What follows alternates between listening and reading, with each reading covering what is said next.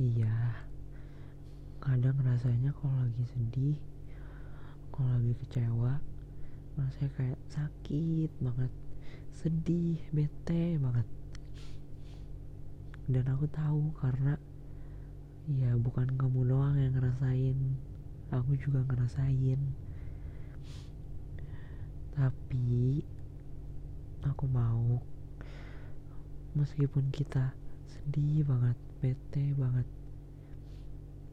tetap jadi orang yang kayak sekarang ya bi.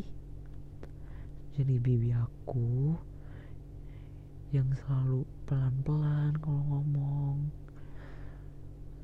Selalu nggak emosi kalau cerita. Dan kalau ada masalah ya diselesain baik-baik dengan kepala dingin tanpa saling batu saling egois tetap kayak kita yang sekarang ya kalau ketemu masalah. Mungkin iya sedih kecewa bete. Tapi kita keren.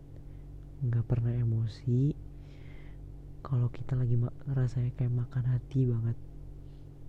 Ya ke depannya tetap kayak gini ya. Makasih.